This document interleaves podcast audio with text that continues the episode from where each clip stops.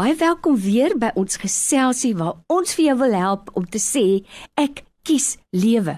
En daar's so baie opgesluit in hierdie paar woorde. En die persoon wat ons gaan help om hierdie besluit te neem, Dr. François Swart, kliniese en pastorale terapeut by my in die ateljee soos elke week getrou. Baie dankie vir jou tyd vandag, baie welkom. Dankie Lorraine. Nou, die 10de September is wêreld selfmoordvoorkomingsdag. En dit is vir amper hartseer om te dink dat 'n nasionale dag uitgeroep moet word om mense bewus te maak van die probleem van selfmoord of soos ons deesdae praat selfdood. Nou dokter François, dit bring my by 'n baie groot kwessie. Mense sal maklik wanneer 'n Christen hoë cholesterol het of 'n hartaanval het of met kanker gediagnoseer word, baie simpatiek wees en kloek rondom so 'n persoon, maar die oomblik wanneer dit 'n geestesongesteldheid is, dan sal mense sê maar jy glo nie genoeg nie of jy moet bid of ruk jouself reg 'n Christen moenie so voel nie. So kom ons vertrek vandag by hierdie vraag. Kan 'n Christen depressief word of moedeloos voel? Dis so 'n belangrike vraag uh, Lorraine en ek dink kom ons begin by die terminologie selfmoord. Ons sê dit gou vinnig weer. Hoekom het ons weggebeweeg van die woord selfmoord? Moord het 'n klankie van kriminaliteit in en uh, stigmatisering. En wat natuurlik waar is, maar wat ons hier werk waar 'n persoon homself wegvat en uitvat uit hierdie lewe uit, sit 'n mens bietjie met 'n ander omstandigheid en daarom praat ons van selfdoding. Nou in terme van Christendom en die Bybel en 'n plat gemoed. Ons praat ook van 'n plat gemoed in terme van geestesgesondheid. Ons praat in die algemene taal van 'n afgemoed en dan kom ons uiteindelik by depressie.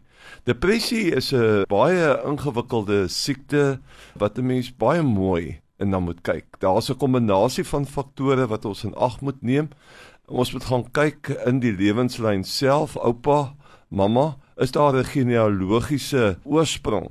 Waar dit dalk vandaan kan kom. By ander woorde geneties daar speel 'n rol en uh, ons psigiaters help ons gewoonlik om dit ook vas te stel. En ons moet altyd verstaan dat uh selfdoding of selfuitwissing is 'n simptoom van depressie. Mm. Met ander woorde dit is 'n ongelukkige einde omdat 'n persoon wat wel uh in daardie staat inbeweeg in dit gaan gepaard met uh, dinge in jou brein wat verkeerd loop. Mm. Jy kan nie meer logies dink nie en jy sien eintlik die dood as die enigste uitkoms. Wat natuurlik irrasioneel is. Die serotonien vlakke gewoonlik van hierdie persone is baie laag. Serotonien is gewoonlik die uh hormoon wat vir ons help met ons gemoed sodat ons 'n lekker positiewe gemoed het. Dis ons moet baie versigtig wees as gelowiges om vinnig net goue oordeel daaroor te vel. Daar's 'n klomp dinge wat in ag geneem moet word. Maar dan moet ons na die Bybel toe gaan. En uh, ek dink ons woord, ons kenbron, ons kompas maak baie van hierdie gemoedstoestand. Wat vir jou voel dat jy voel die einde is hier. Ons dink maar aan Elia se baie beroemde gebed en hy was tog die grootste profeet. Onthou, mm. hy het nie dood gegaan nie, nê? Uh hy's kom haal. Hy uh, hy's met 'n vier perde waar die mm. hemel in. Omdat hy was 'n formidable figuur uh in die Ou Testamentiese opset. En ons weet dat hy by geleentheid onder 'n bos ingeklim het mm. en gesê het Here maak my nou maar dood. Ek wil nie meer lewe nie. Hy het eintlik uh, die Here het van kos neergesit 3 keer, maar hy hy wou dit nie eet nie want hy wou sterf. Dis uh, ons kry dit in die Bybel, ook in die Psalms, die 150 Psalms mm. wat ons het. 75 Psalms dui op depressie, mense wat nie meer kans sien om aan te gaan nie. Dan kry jy klaagliedere van Jeremia, een van die groot profete wat ook voel alles is hopeloos en daar's geen toekoms nie en wat jy ook hierdie plat gemoed kry.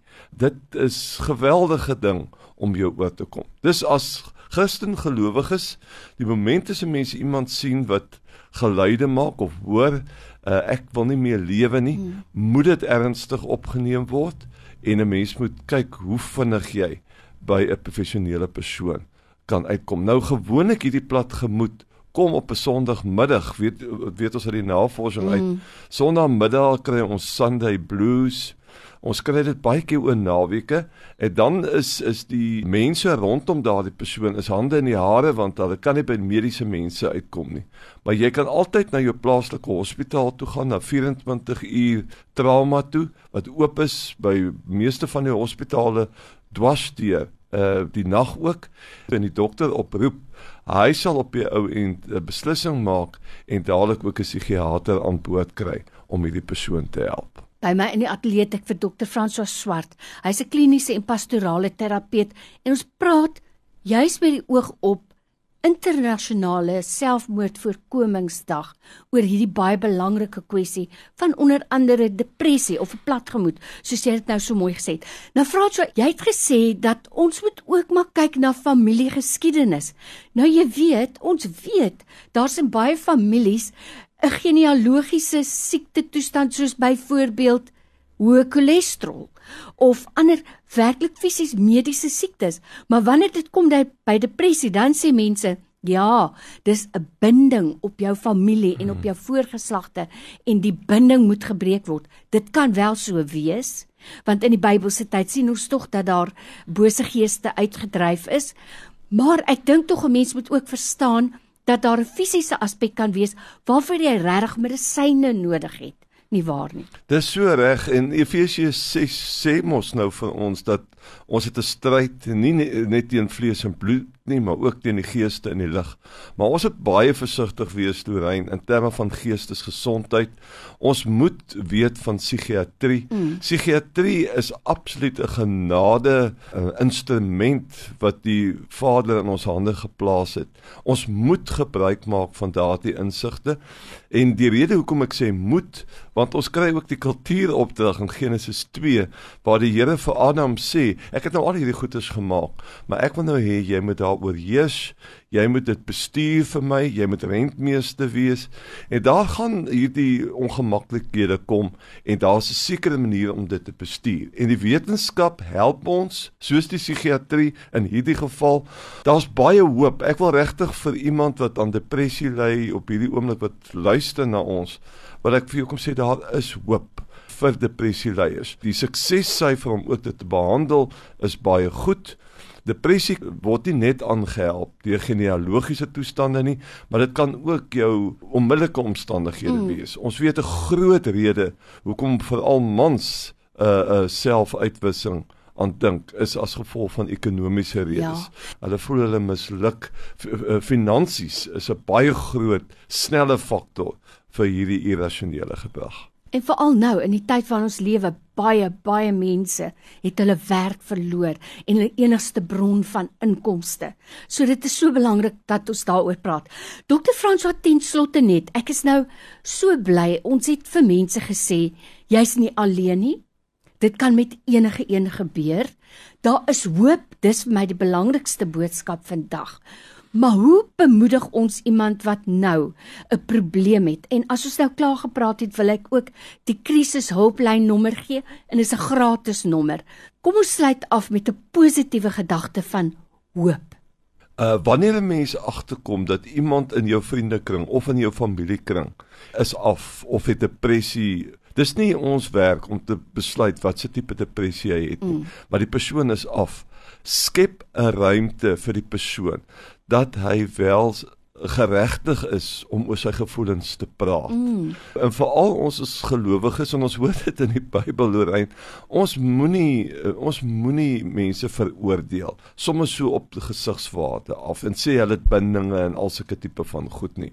Wat so 'n persoon nodig het is iemand wat net 'n veilige ruimte skep en sê ek sit hier by jou jy's nie alleen nie. Moenie so 'n persoon asseblief alleen los nie en dan moet daar in die rigting gewerk word soos wat ons net nou gesê het na professionele mense toe herinner my baie aan Job. Job se vriende het gedink hulle troos hom, maar uiteindelik het God hulle bestraf en gesê: "Julle het nie reg gespreek nie." As ons sommer net baie vinnige oordeel vel en sê, "Man, dis wat jy om 'n keer of ons moet dit so hanteer." Ek is so bly jy sê dit, maar daar is hoop.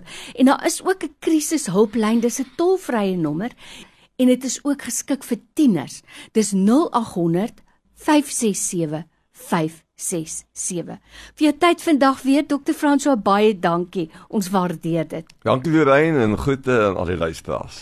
Onthou as jy 'n vraag het, stuur dit vir my met 'n SMS na 32716. Dit kos vir jou 'n rand of so nie, kan jy vir my 'n WhatsApp of 'n Telegram stuur na 0844 104 104.